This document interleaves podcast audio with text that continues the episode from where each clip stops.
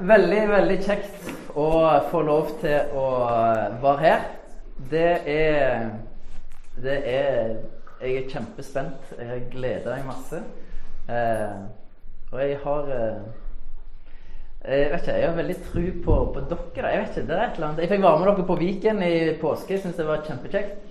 Eh, og bare være oppe og se uh, unger og leven og vet ikke, det, det bare veldig fint. da.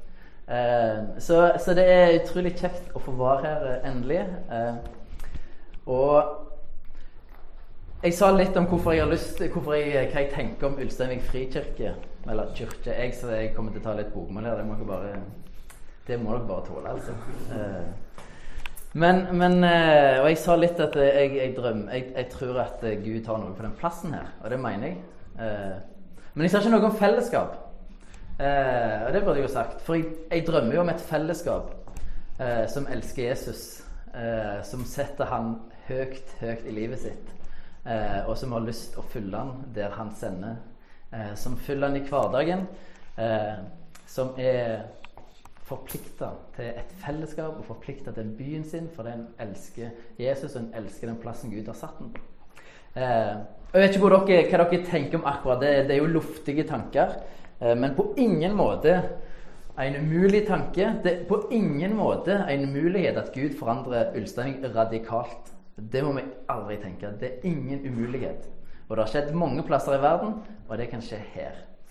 Eh, og jeg er spent på hvordan Gud har tenkt å bruke oss som, eh, som, menighet og som folk og som disipler til å gjøre det som han har tenkt. Litt luftig, men, men jeg eh, Ja. Jeg har kjempetru, for å være helt ærlig. Det har jeg. Og det, det, det handler om at jeg har tro på Gud. Og jeg har tro på når folk elsker Gud og er villige til å legge ned livet sine for ham, så kan hva som helst skje. Man kan lese i Bibelen at du har Daniel og tre venner, sant? og de snur opp ned på det største riket som noen gang har vært. Tre, nei, fire stykk som var lydige. Altså, det er helt sprøtt å tenke på. Hva kan skje når folk er villige til å følge Gud? Det kan skje hva som helst. Så derfor er jeg eh, har jeg veldig tro på oss. Eh, tro på Gud, at han har tenkt å bruke oss. Så jeg har lyst til å si litt om min rolle. Jeg kommer til å være her og forkynne. Eh, jeg kommer til å være med og, og tenke strategisk. Hvordan skal vi gjøre videre? Hva skal vi gjøre sånn og sånn? Eh, og så har jeg lyst til å si at eh, jeg kommer til å være tilgjengelig hvis dere ønsker samtaler av en eller annen grunn. av et eller annet, Om det er veiledning, om det er type eh, ting som skjer i livet. Hva det skulle være. Uh, jeg er jo ikke her en fast dag i veggen men det, jeg har e-poster, jeg har telefon, og det er mulig å få tak i meg. Og, uh, ja. Så hvis det er ønskelig, så, uh, så, er det en del av min rolle. Jeg er tilgjengelig for deres del. så det skal dere ikke være redd for å gjøre. Ta kontakt med, eller noe sånt. for det har jeg veldig lyst til. det har jeg. Ja. Og skulle det være et eller annet hva som helst, så kommer dere og snakker med meg om ja, ting som dere lurer på, eh, ja, så gjør dere det. Yes. Eh, vi, vi, skal bare be litt. Eh, gode, gode far. Jeg takker deg for den herlige gjengen som er her. Jeg takker deg for alle ungene. Eh, jeg takker deg for livet som er her og i denne gjengen her. Tusen, tusen takk. Takk for at du har ført oss sammen. Eh, og jeg takker deg for at du har drømmer for våre liv. Jeg takker deg for at du er en Gud som lengter til å velsigne oss som lengter til å lede oss, som lengter til å gi oss livskvalitet i overflod. Jeg takker deg for at du er en sånn Gud. Eh, jeg takker deg for at du har mye godt i vente for oss. På tross av at livet for oss kan være vanskelig, det er tungt, det skjer ting som er, som er trist og leit, og ting skjer. Men du er den samme. Du er til å stole på. Eh, og dine løfter de forsvinner ikke på tross av våre omstendigheter. Takk for det, Gud. Ber om du skal velsigne denne stunden vi skal i lag. Ber om at du skal åpne hjertene våre, Gud. Ber om at du skal åpne hjertene våre. Ber om at du skal blåse liv i de ordene som jeg har tenkt å si, sånn at det kan bli til liv for våre hjerter og for våre liv. Eh, og jeg bare ber deg om at eh, du skal være her med ditt nærvær, Gud. Vi ber om det. Hvis du er her, så kan hva som helst skje. Så kom, Gud, og møt oss. Eh, hjelp oss å legge vekk andre ting som skjer i livet akkurat nå, og rette blikket vårt på deg, Gud. Amen. Yes. Denne høsten her så har vi allerede, eller jeg har foreslått jeg, jeg, tror det er lurt å snakke om hva vil det si å være ei kirke? Hva vil det si egentlig? Hva forteller Bibelen oss om det å være ei kirke? Eh, og jeg har lyst er Kanskje noen av dere altså Dette er jo på en måte en oppstart eh, av Ulsteinvik frikirke. Kanskje noen er nysgjerrig på hva er dette her for noe? Jeg kjenner jo ikke dere alt så godt. Eh, er dette noe jeg skal være fast på? Skal jeg gi meg til dette fellesskapet? Skal jeg ikke?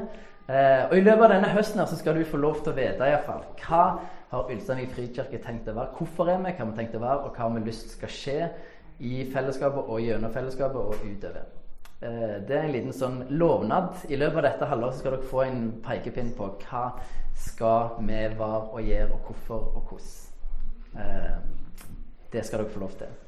Eh, det blir ikke kjempe sånn, spesifikt sånn, men en retning, og hva har vi lyst til å være. Så det, det vil jeg bare si. Det skal dere få lov til å vite. Og denne høsten skal vi snakke om hva vil det si å være kirke. Hva, eh, ikke fordi jeg ikke tror dere har peiling, men av og til så eh, trenger vi å bli minnet på det. For kulturen vår kan si oss én ting, og så glemmer vi egentlig å se hva er det bibelske perspektivet på det. Hva var det Gud egentlig tenkte når han lagde menigheter og kirker? Hva tenkte han egentlig?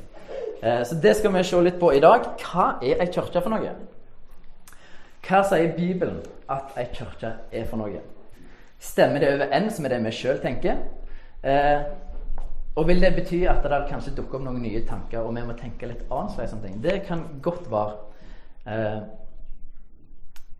jeg har måttet endre mine tanker en god del på hva, ei kirke faktisk er for noe, hva er en menighet. Eh, og kulturen kjører over oss. Derfor trenger vi å bare se litt hva sier, hva sier Bibelen. Jeg skal først si hva er det ei kirke ikke er for noe. Bare for det kan være litt greit å begynne. Hva er ei kirke ikke for noe? Så for det første Kirka er ikke en bygning. Vi tenker, Når du hører ordet kirke, så sannsynligvis ser det automatisk for det er en hvit trebygning med et spir med klokketårn og ei trapp utfor og masse graver rundt. holdt jeg si. Sannsynligvis så tenker du, ser du for deg det når du tenker, hører ordet kirke. Men kirka er ikke en bygning. Eh, det sier Bibelen. Neste ting er at kirka er ikke noe du går i. Vi spør jo, ja, kan, Jeg kan spørre hvis jeg treffer noen. Ja, hva kirke går du i? Kan jeg, jeg, kan finne på å spørre om det. Hva kirke går du i? Eh, men det er, ikke, det er, ikke, en bibelsk tanke. Eh, kirke er ikke noe du går i. Eh, for mange er det en ny tanke. Eh, men ut fra Bibelens perspektiv så går du ikke i ei kirke. Jeg skal forklare litt mer om det. Kirka er ikke noe som starter og slutter på et gitt tidspunkt. Vi kan spørre når begynner kirka når slutter det? Men, eh, men det, det, er ikke noe som, det er ikke bibelsk. Ei kirke har ikke en start og et sluttidspunkt. Det fins ikke. Og ei kirke er ikke noe du er en tilskuer til. For mange tenker vi på kirka som nesten som vi ser på det som du går på kino eller du går på konsert. Du, du, du, får et CD du sitter og hører på eller ser på, du betaler litt penger. Her på kinoen så er billetten her er kanskje kollekt for noen. tenker kanskje at Altså, vi, vi er litt sånn produkt av vår kultur, da. Eh, så vi kan lett tenke at kirka er noe du er en tilskuer til. Men det er ikke ei kirke. Jeg vet ikke om, du, om Av de fire tingene du har tenkt noen av de tingene Ja, jeg har tenkt at kirka er noe du går i, eller at det er en bygning i et eller annet. Kanskje har du tenkt det. Eh, og i så fall så er du i godt selskap, for det tenker ganske mange. Så det, er noe, det er ikke noe unormalt om du har tenkt det. Men jeg skal forklare hvorfor de tingene ikke er kirka. Hvorfor det ikke er noe som eh, Hvorfor det ikke er kirka, rett og slett. Eh, for Bibelen beskriver kirka og menighet på en annen måte. Eh, ordet kirke er ikke brukt så veldig mange ganger i Nytestamentet. Jeg tror det er rundt sånn elleve ganger, kanskje. Jesus bruker det bare én gang. Han snakker om kirka én gang, så vidt jeg har. Kanskje to. Jeg tror det er bare én. Eh, men når du leser brevene som Peter, Paulus og Johannes skriver, så er det en ting som så, eh, Når de skal omtale kirka, så bruker de en bestemt terminologi. De skriver til 'kjære søsken'. De omtaler kirka som en familie. De skriver til sine brødre og søstre Og, og når, vi, når, vi, leser tenker ja, de er en familie, så tenker vi at ja, de tok det som et billedlig ting. Men for dem så var det eh, dette, dette, er mine søsken. De som tror på Jesus, er mine søsken, for vi har samme far. Så de tok det like seriøst som sin biologiske familie. De som var truende, var like seriøs familie som sin biologiske familie. Det er noe vi ikke, det er ikke vi vant med i vår kultur, men det var ei greie for dem. Så for de første kristne, og sånn som Bibelen beskriver det de har, så var kirka en familie av Guds barn som hadde en nær relasjon til hverandre og en nær relasjon til Gud. Det er på en måte, Jeg, skal ikke lage en definisjon, men det kan vi på en måte si at det var det som var kirka for dem. De hadde ikke store bygninger. De møttes i hus, for det, det var det som var passet. Og det som er viktig, vi, vi kan samles sant, eh, rundt forbi og møtes og, og ha nær relasjon. Men uten Guds nærvær så kan vi ikke kalle oss ei kirke. På en måte. Eh, altså Vi kan ha en relasjon til hverandre, men en del av greia her er jo at Gud møter opp. Det er jo han vi er her for. Det er jo han som er i sentrum. Det er jo han som er grunnen for at vi samles. Og hvis ikke han er i fokus, det som han er, den han er, så, så så er det ikke ei kirke. Jesus sier jo at der to eller tre samles eh, om meg, eller samles i mitt navn, der er jeg midt iblant. Og nå, ja, okay, Hva betyr å samles i Jesu navn?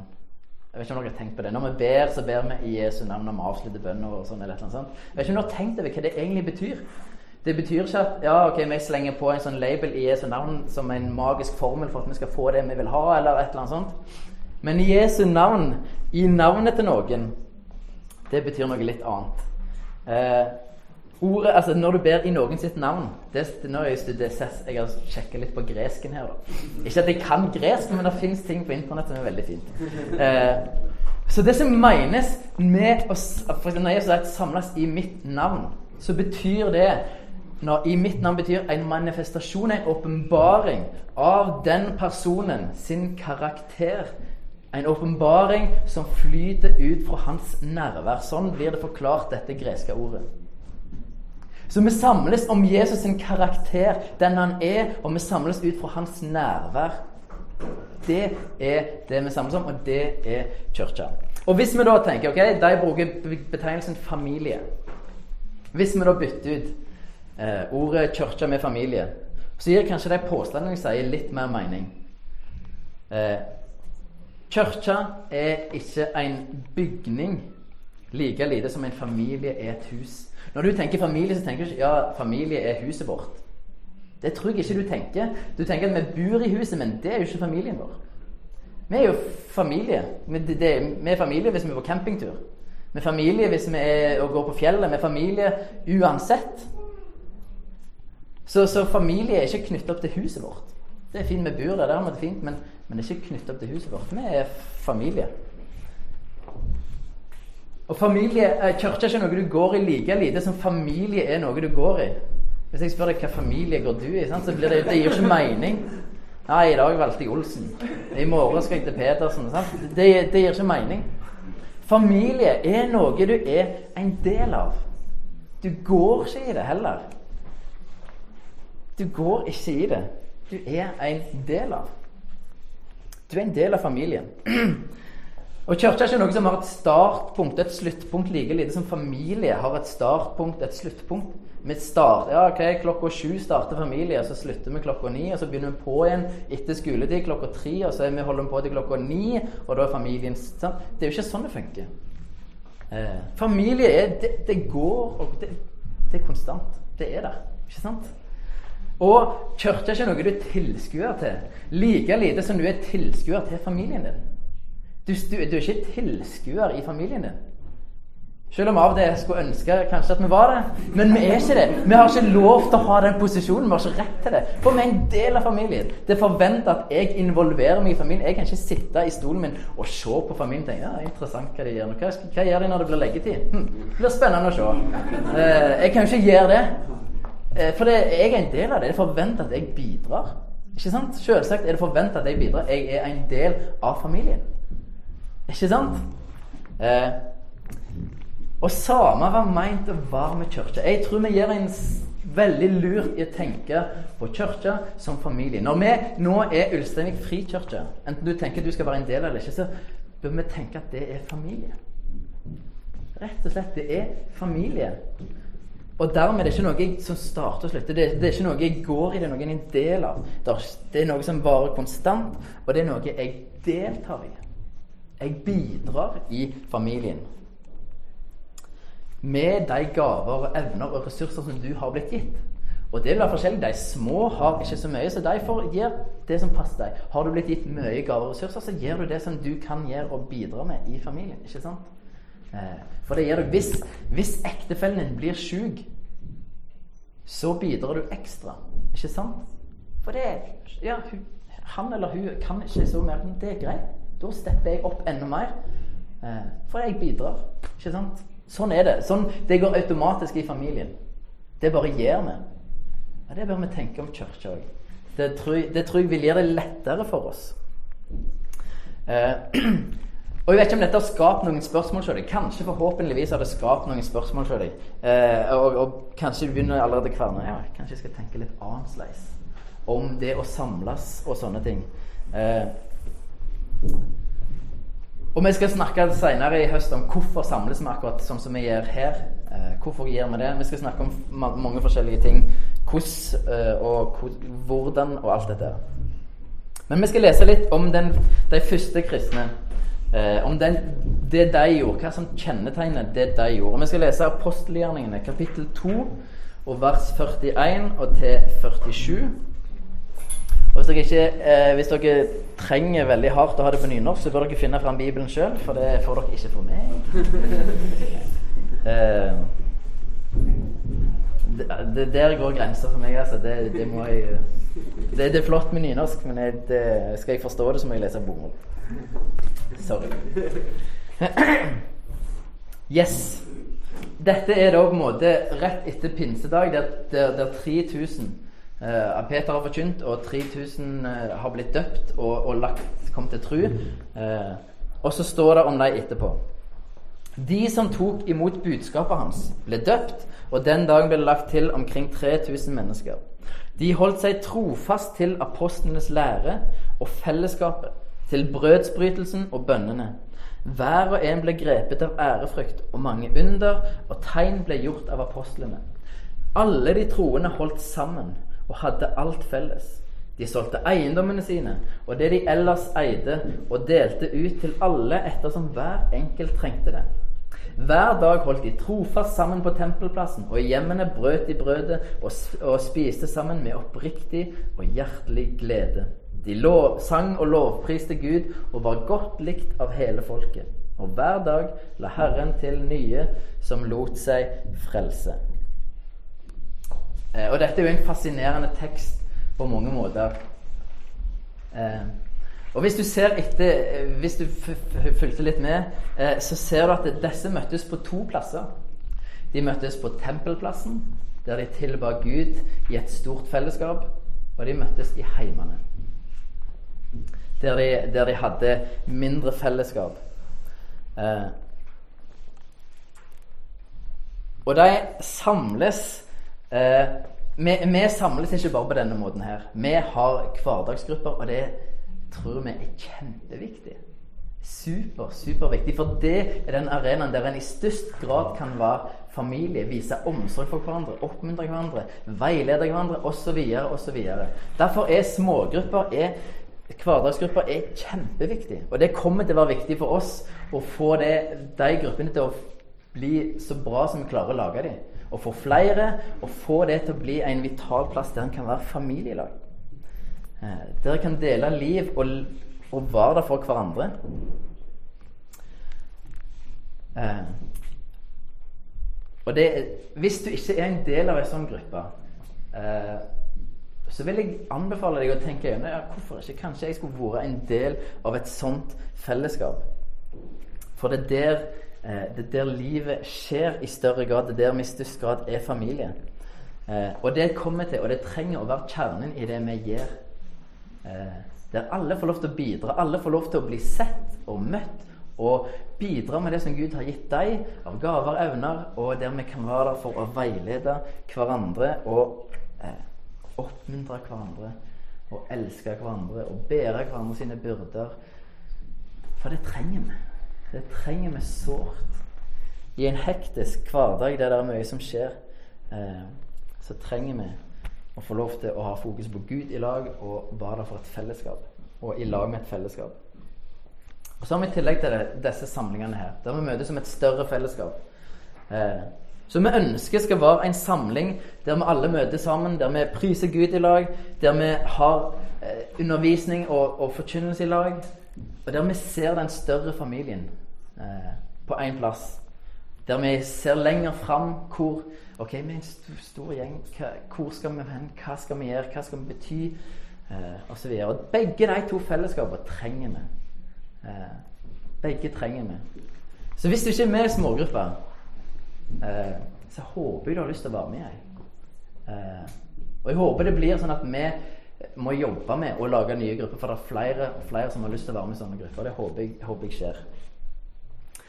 Og så Hvis du ser i den teksten eh, som vi leser nå, eh, eller la merke til, så er det en del ord som, som går igjen. Eh, ordet 'alle', ordet 'hver og en', ordet 'trofast', 'sammen' osv. Det går igjen og går igjen i hvert vers. Eh, og en ting som er viktig i en familie, det er at vi er likestilt. Her i dette rommet her, eller på dette huset her, så er alle like viktige. Det er ikke noe at noen er viktigere eller eh, mer betydningsfulle enn andre. Men vi har forskjellige roller. Og det, det, det, er helt naturlig i vår biologiske familie. Vi har forskjellige roller. Eh, det, det, skjer automatisk at vi utfyller roller. Og det skal det være her òg. Vi er like viktige, men vi vil ha forskjellige roller. Eh, jeg, jeg, skal være pastor, men jeg er ikke viktigere enn dere. Dere får ikke lov til å tenke det. Dere får ikke lov til å opphøye meg på noe som helst vis. For det skal ikke skje. Det skal ikke skje i familie. Jeg er ikke viktigere enn dere. Men jeg har en annen rolle enn dere. Er dere med på den? Lederteamet har en rolle, men de er ikke viktigere enn noen som helst. Men de har en annen rolle. Ikke sant? Og Det er så viktig å være klar over. Det er en del menigheter der pastorer eller de som driver med lovsang, eller at en blir på en måte opphøya. De blir viktigere enn resten. Og det er ikke bibelsk. I en familie er det ikke sånn at noen er, hvis noen er viktigere, så er det de minste. Eh, ikke sant? De er det viktigste, de som kommer etterpå. Eh, og det er noe jeg syns er nydelig med det dere gjør, er at eh, dere har allerede et fokus på at de minste vi legger til rette for dem. For at de skal ha en bra plass å møte Gud. Eh, og det er, kanonbra. Men vi er likestilte, og vi er familie. Og det er ikke meningen at du skal være i et sånt fellesskap og være passiv. Du har blitt gitt gaver og evner av Gud, enten du tror det eller ikke. Så er det et faktum. Det er en sannhet. Det er en objektiv sannhet. Du har blitt gitt gaver og evner som Gud ønsker at du skal bidra med. Du har blitt gitt ressurser. Om det er tid, om det er energi, om det er kreativitet, om det er penger. You name it. Du har blitt gitt ressurser som Gud ønsker at du skal gi inn i din familie. Og vi leste hva de første kristne gjorde. Det var crazy. Men de, de, der står det at de, de regna ikke noe som sitt eget, men ga til de som trengte det. For de var familie. Det er ikke sånn at vi sitter rundt middagsbordet Å ja, Thomas har ikke bidratt. Han får ikke mat. Det er jo ikke sånn. Hvis noen i familien Hvis jeg har en bror som jeg vet sliter big time, og jeg har mulighet for å gi, så gir jeg jo. Han er jo bror min. Ikke sant? Det gjør vi naturlig. Det vil vi tenke Med mindre det er veldig sånn det har skjedd et eller annet brudd i relasjon som er veldig vanskelig. Det, det skjer jo noen ganger. Men generelt sett vil vi ikke gjøre det eh, i en familie. Eh, så hva gaver og evner har du? Hva ressurser har du? Det vil jeg du skal tenke deg. Hva har du, hva har du å gi til denne familien? Hva, hva, hva har Gud gitt deg? Det vil være forskjellig. Jeg har ikke det samme som du har. Eh, og det, det, er jo det er flott, det er nydelig. Det heter, det heter mangfold. Glimrende. Og vi trenger det som du har blitt gitt. Vi trenger at du ikke er passiv, men vi trenger at du tar og At du er en delaktig. At du bidrar fordi du har blitt gitt noe. Og for det vi trenger det du kan gi. Vi trenger det, de gaveevnene som Gud har gitt deg. Eh, og så står det eh, Jeg har lyst til å lufte opp et bibelsk prinsipp som vi leste i den teksten. Og det er ordet 'trofast'. De holdt seg trofast sammen. Eh, de holdt seg trofast til apostelens lære og fellesskapet. Uh, og jeg vet jo ikke om du har gått her tidligere, om du er ny i dette, om, om, om, du er litt sånn nysgjerrig bare, og sånn og sånn. Og det er helt greit, det skal du få lov til å være. Uh, så lenge som du trenger, egentlig. Men på et eller annet tidspunkt så må du finne ut har du lyst til å være en del av denne familien eller ikke. Uh, og Jeg sier ikke det for å være stygg. Hvis du, hvis du finner ut at ja, jeg har vel lyst til å gå i statskirke, så Gud velsigne deg.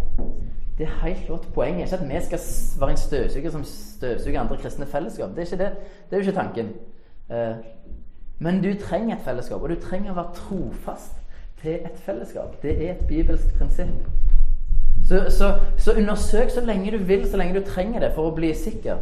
Men til slutt så må du ta et valg. Skal jeg være en del av denne familien, eller ikke? Og på det tidspunktet må du begynne å gi deg sjøl inn i det fellesskapet. Enten det er her, eller det er en annen plass. Og Gud velsigne deg uansett hvor du velger. Helt seriøst. Jeg har lyst til å ha flest mulig med her, men uansett hvor du velger, Gud velsigne deg. Eh, og vær trofast til det fellesskapet, det kristne fellesskapet som du velger. Eh, og gi deg sjøl inn til det fellesskapet. Eh, for det er viktig at du gjør det. Eh, og så er det en viktig ting som er, en ting som er ganske obvious men som er bare viktig å presisere at dette her, den familien som er, som, er, som vi starter nå, kirka, er jo ingen perfekt familie. Det er eh, skal vi si, en ganske dysfunksjonell familie. Eh, på mange sett og vis. Ikke fordi at det er noe galt med oss, men de, de fleste familier, når vi kommer til kjernen, så er det en del ting som ikke funker så bra i familien. Jeg, I min familie så er det iallfall sånn. Eh, der er ting som ikke funker. Der er ting i mitt liv som gjør at familien ikke funker som vi skulle ønske den gjorde. Som jeg driver og jobber med. Sant? Der er det i alle familier, og det er der i denne familien òg. Vi er en dysfunksjonell familie som elsker Jesus, eh, og, og, som gjør så godt vi kan for å elske de rundt oss. Det er ikke alltid lett. Eh, jeg er ikke alltid en person som er lett å elske. Eh, men det gjør ikke at kona mi slutter å prøve å slutte. Sånn, hun prøver, altså hun hun gjør det. Jeg forstår ikke at du klarer det, men hun gjør det. Eh, så hvis du leter etter det perfekte fellesskapet, så kan jeg si her og nå det fins ikke. Du må vente til himmelen, da kommer det. Men her på jorda, du kommer ikke til å finne det. Det vil være ting i denne familien vi kanskje blir gjort ting som på en måte som du ikke syns er helt topp. Ja, 'De synger ikke de sangene som jeg liker best', eh, osv., osv. videre. vi snakker ikke om de tingene som jeg liker best. Jeg skulle, sant? Det kommer til å skje. Det kommer til å skje. Eh, og det er sånn, sånn er, altså, det er sånn, Alle har en, rart, en rar tante eller senil onkel eller et eller annet. Vi har det i alle familier. Det er, der er merkelige folk rundt oss. Og det vil det være her òg. Men vi er kalt til å elske hverandre som brødre og søstre. Vi skal være familie. Eh, det er det Gud vil vi skal være. Eh, han sier faktisk i, i eh, Jesus i sin ypperste prestelige bønn i Johannes kapittel 17 så Jeg husker ikke helt verset. Men han sier at 'jeg vil at dere skal elske hverandre sånn som far elsker meg, og jeg elsker far'. Og når dere elsker hverandre så vil verden se at Gud har sendt meg, sier Jesus. Når dere elsker hverandre, når dere legger dere, deres liv ned for hverandre og elsker hverandre, så vil verden se at Gud har sendt meg. Det er ganske sterkt. Det er faktisk veldig sterkt. Og Det forteller oss hvor viktig det må være for oss å, å være familie. Å bære over hverandre, elske hverandre og tåle hverandre, være ydmyke overfor hverandre osv. Vi skal ha en, en, eh, en søndag eh, litt framme skal vi snakke om alle disse hverandre-ordene som står i Bibelen. For det er veldig interessant. Derfor står det mye om hvordan vi skal være overfor hverandre. Så vi kommer ikke til Det er ikke alle i familien som kommer like godt overens, men vi er fremdeles familie. Eh, det er ikke alt du kommer til å like med meg, men jeg er fremdeles, vi er fremdeles søsken. Er dere med? Det er faktisk viktig med familie. Eh, og pga. at vi er dysfunksjonelle, så er det trofasthet desto viktigere. At vi ikke trekker oss unna selv om det blir litt vanskelig. Selv om det blir utfordringer. For det kommer til å komme. Eh, det kommer til å komme ting som vil være krevende for oss personlig, eller kanskje som, som, som stor familie, så kan det komme ting som vil være krevende. Og da trenger vi å være trofast. Når vi opplever store ting som skjer i livet vårt, hva trenger vi da? Jo, vi trenger familien vår. Når det skjer, når, når, når f.eks. noen mister bestemor eller et eller annet, så samles vi. ikke sant? Vi trekker oss ikke fra hverandre da. Vi samles og vi trenger hverandre desto mer. Vi trenger omsorgen desto mer. Eh, og, og jeg, jeg, jeg, eh, var på, jeg var på gudstjeneste tidligere i dag, eh, der mm, han, eh, pastoren fortalte om når de eh, var i Trondheim eh, og var gravide, og så mista de barn i magen. Eh, kjempetrist. Var, livet gikk i grus. Men så hadde de ei smågruppe, et fellesskap, som kom og lagde middag, kom og vaska, samla inn penger så de kunne reise vekk. Og så var de for det hele tida så lenge. altså Og bare dekka de og var familie. Er det ikke det vi lengter etter? Å ha noen sånne rundt oss som ikke trekker seg vekk når livet blir vanskelig, men som faktisk kobler seg på og sier 'Hva kan vi gjøre for deg nå?' Hvordan kan vi, hvordan kan vi støtte deg i den situasjonen som skjer i livet ditt? Hva, skal vi lage mat til dere? Skal vi passe ungene deres? Hva, hva trenger dere? Og Det drømmer jeg om at vi skal være et sånt fellesskap. Selv om det vil i stor grad skje i de små fellesskapene. Det er noe som jeg trenger. Eh, så vi, når det blir vanskelig, så blir vi Vi kjemper for familien vår. For det er nettopp det det er. Det er familie. Eh, så vi trenger å øve oss på å elske hverandre. Vi må øve oss på å gi oss sjøl til fellesskapet. Gi oss sjøl til en familie. Vi trenger å være aktive, ikke passive. Eh, trenger å gi oss sjøl våre gaver, evner og ressurser inn i familien. Men og ikke holde fast på det vi har blitt gitt, men være rause med det vi har blitt gitt. Eh, sånn at de rundt oss kan få blomstre.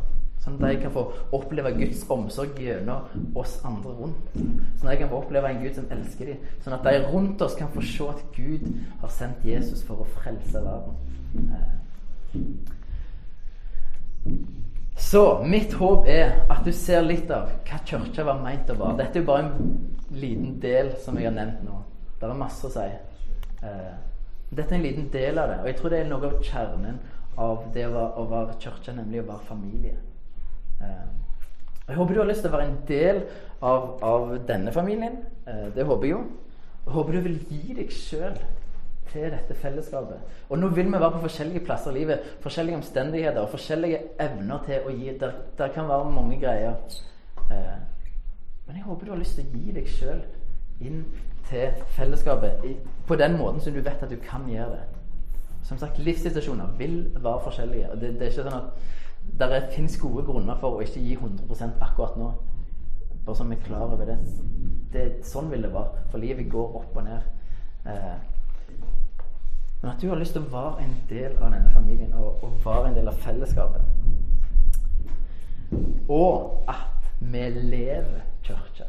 For det er faktisk det det er. Familie er noe du lever. Kirka er noe du lever. Det er en livsstil. Vi går ikke i kirka. Vi lever kirka. Det er en stor forskjell. Eh, veldig stor forskjell. Yes, Jeg har lyst at jeg har noen spørsmål så jeg vil du skal reflektere over. Nå har vi ikke skjerm her, så jeg bare sier de høyt. Så vil jeg at du skal måtte reflektere litt. Tenk. Eh, tenk litt gjennom dette og reflekter. Så her er første spørsmålet. Hva tenker du om at kirka det er ikke noe du går i, men noe du er, og en familie du er en del av? Endrer det på noe hvordan du tenker om kirke og menighet? Og hvordan du ser på kirka? Endrer det noe for deg? Det at kirka er ikke noe du går i, men noe du er, og en familie du er en del av. Endrer det på noe på din holdning og tankegang rundt hva du er del av, eller hva, hva du er med på? Tenk gjennom. De fleste vil som regel tenke at kirka er noe du går i. Men det er ikke det. Så endrer det noe for deg. Neste spørsmål. Gir du deg sjøl til familien, altså kirka? Gir du deg sjøl til fellesskapet, til familien? Og hvis nei, hvorfor ikke? Hva holder deg igjen? Hva er det som stopper deg i å gi deg sjøl til fellesskapet? Er det frykt? Er det usikkerhet? Er det hva, hva, hva, er det som ligger der? Hvorfor? Hva er det som gjør at du ikke gir deg? Eller at du holder igjen? Eller ja, Tenk igjennom. Reflekter over dette. Neste spørsmål er hva har du å gi til familien, altså til kirka? Hva har du fått fra Gud av gaver, av evner og ressurser? Eh, hva har du blitt gitt? Og nå er vi på, på Sunnmøre, og det er jo ikke alltid at vi våger, våger å tenke ærlig om oss sjøl. Vi tenker oss sjøl litt ned. For vi har en, en arv som, som en jantelov sier du skal ikke tro du er noe. Du skal ikke tro du har blitt gitt noe. Du skal ikke tro at du er bedre enn andre. Og det er, dette er støy på linja. Sannheten er at du har blitt gitt noe. Og det er ikke arrogant å være klar over at du har en gave, at du har evner eller at du har ressurser. Det er ikke arrogant, det er en realitetsorientering, og det er en sannhet. Punktum. Så ikke tenk deg sjøl ned. Det, det, er, det, er, så tragisk. Du har blitt gitt noe. Vet du hva du har blitt gitt? Vet du hvilke ressurser du har? Hva du har blitt gitt av Gud av gaver, evner og ressurser? Eh, hva har du å gi til familien? Og jeg sier ikke, Dette er ikke sånn pengesnakk, men, men hva har du å gi inn til fellesskapet? Til familien? Hva har du blitt gitt? På hvilken måte tror du at Gud vil at du skal bidra inn i fellesskapet? Tenk, tenk. Neste spørsmål. Går du i ei smågruppe? Og hvis ikke, hvorfor går du ikke i ei smågruppe? Hvorfor har du ikke et mindre fellesskap? Er det fordi det ikke fins? Er det fordi du vegrer deg? Er det fordi du syns det blir klamt eller for nært? Eller du er redd for at noen skal avsløre. Hva er det for noe? Hvorfor? Hvis du ikke går, hvorfor går du ikke i et mindre fellesskap? Det kan handle om tilgjengelighet, at det ikke fins. At ingen har invitert deg med, du våger ikke å spørre. Men tenk igjen at hvorfor ikke? For det er så, så viktig. Hvis jeg skulle velge om skal vi samles her, eller skal vi ha smågrupper Men du må velge en av delene. Så hadde jeg valgt smågrupper. Eh, egentlig uten tvil. For det er der livet skjer. Eh, det der vi er med hverandre, og Jesus har sagt at jeg er med midt iblant der òg. Eh, det er superviktig. Og siste spørsmål, som er litt sånn overordna. Men har Gud snakket til deg i dag? Og skal jeg være så arrogant og si at jeg tror at Gud kan bruke meg? Det tror jeg. Jeg tror at Gud kan snakke gjennom meg. Det tror jeg. Og jeg tror det er stor sjanse for at Gud har snakket til noen av dere. Eh, så da er spørsmålet mitt Hvis Gud har snakket til deg, hva gjør du med det Gud har sagt til deg? Hva er neste steg? For det er veldig liten vits i at Gud snakker til oss hvis vi ikke har tenkt å handle på det. Det blir litt sånn uh, lite meningsfullt. Så hvis Gud har snakket til deg, hva har du tenkt å gjøre med det? Hva er neste steg? Ta en runde med deg sjøl på det, med ektefelle. Med, fortell, vet du, 'Jeg tror Gud sa dette', eller 'jeg opplever sånn og sånn'. Uh, reflekter med noen andre gjerne. Det er veldig lurt. Hvis du har noen du kan, kan, kan dele dette med. Uh, og så og så sier du sånn jeg vet, Hva tenker du? Hva, hva, hva er neste steg? Uh, for Gud, de stegene Gud ber deg om å ta, det handler om at du skal komme nærmere Ham. Det er jo ikke for å være stygg med deg, for å gi deg livskvalitet. Han, han, elsker deg. Han har kun gode ting for deg. Så hva er neste steg hvis du har hørt fra Gud? Yes. Eh, nå har jeg holdt på lenge nok. Eh, sikkert for lenge. Så eh, jeg har eh, Jeg har lyst å Jeg har lyst til å be. Eh, så har jeg lyst til å være med og be for dette fellesskapet her. Eh, Be om at det skal bli et, et fellesskap med fokus på Jesus, som elsker Jesus, og som går på det Jesus har sagt. Eh, be for smågruppene, for hverdagsgruppene. Men det skal være en plass der folk trives og blomstrer og møter Gud og opplever støtte i fellesskap og opplever familie. Eh, og så har jeg lyst at eh, Nå vet jeg ikke hvor vant dere er med det. Men jeg har lyst til at, at vi bare lukker øynene. Og så har jeg lyst til alle lukker øynene. Og så har jeg lyst til at hvis du har lyst til at, at jeg, jeg, tenker at jeg har lyst til å bli bedt for jeg, jeg, Dette traff meg, eller jeg har lyst til at ja, Jeg har lyst til å respondere til Gud på et eller annet vis. Kanskje bare rekke opp hånda, så, så kan jeg ta deg med i bønn. Eh, så alle lukker øynene. Eh, og hvis du kjenner at jeg, dette traff meg, eller et eller annet jeg trenger forbønn, så rekker du opp hånda nå. Så har jeg veldig lyst til å be for deg. Yes. Veldig bra. Nydelig. Mange hender. Eh, supert. kan få lov til å ta ned hendene. Eh, dere som ikke rakte opp hånda, kanskje tenkte på det. Gud ser det òg. Men av og til er det godt å gi en synlig respons. Eh, og Gud ser hjertet, og det kan være eh, godt å få gi den responsen. Og hvis dere ønsker forbønn og ikke vet hva som skal komme til meg etterpå, så vil jeg gjerne be for deg om det er konkrete ting. Det må dere bare være klar over. Men jeg har bare lyst til å be gode Gud. Eh, jeg takker deg for at dette fellesskapet her fins, for denne familien her. Eh, og gode far, jeg ber deg om at dette skal bli en familie etter ditt ord og ditt ønske, Gud. En kirke etter ditt, etter din vilje. Eh, og Jeg ber deg om at din vilje skal skje i dette fellesskapet her. Og at ditt rike skal komme i dette fellesskapet. Og at vi skal få elske hverandre sånn at verden kan få se at du er verdens frelser. At du eh, lengter så enormt etter folk. Eh, jeg ber om at folk skal få se din kjærlighet. Gode Gud. Så jeg ber om velsignelse over dette fellesskapet. Jeg ber om velsignelse over Ulsteinvik. Jeg ber om at ditt rike skal komme her i alle samfunnsområder. I, I politikken, i skole, barnehager, i næringsliv. Jeg ber om at ditt rike skal komme, Gud. Jeg ber om at, at ting skal bli drevet etter din vilje. Og jeg ber om at hjertet skal bli vendt mot deg. At det skal være en hunger, en tørst etter deg, Gud. At vi skal få se at du er den som har alt som vi lengter etter. Og jeg ber om at dette fellesskapet, denne familien, skal være en familie som finner det som vi lengter etter hos deg, Gud. At du blir kilden. At vi kan få bli kilder som veller over liv fordi vi har fått deg, Gud. Så vi bare ber om at det skal skje. Så ser du de som rekker til hånda nå, som har opplevd at du har snakket til dem, eller at det er ting i livet som de ønsker eh, Som skjer som kan være vanskelig eller bra. Jeg bare legger det fram for deg, Gud.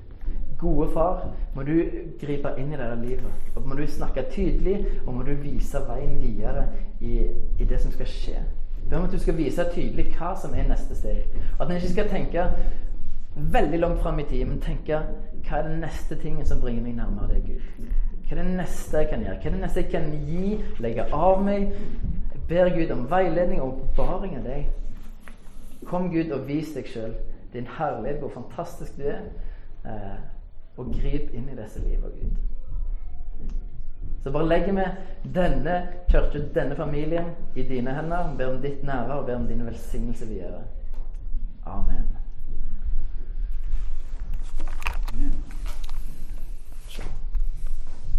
Jeg vet ikke hvor jeg stopper den engang. Jo.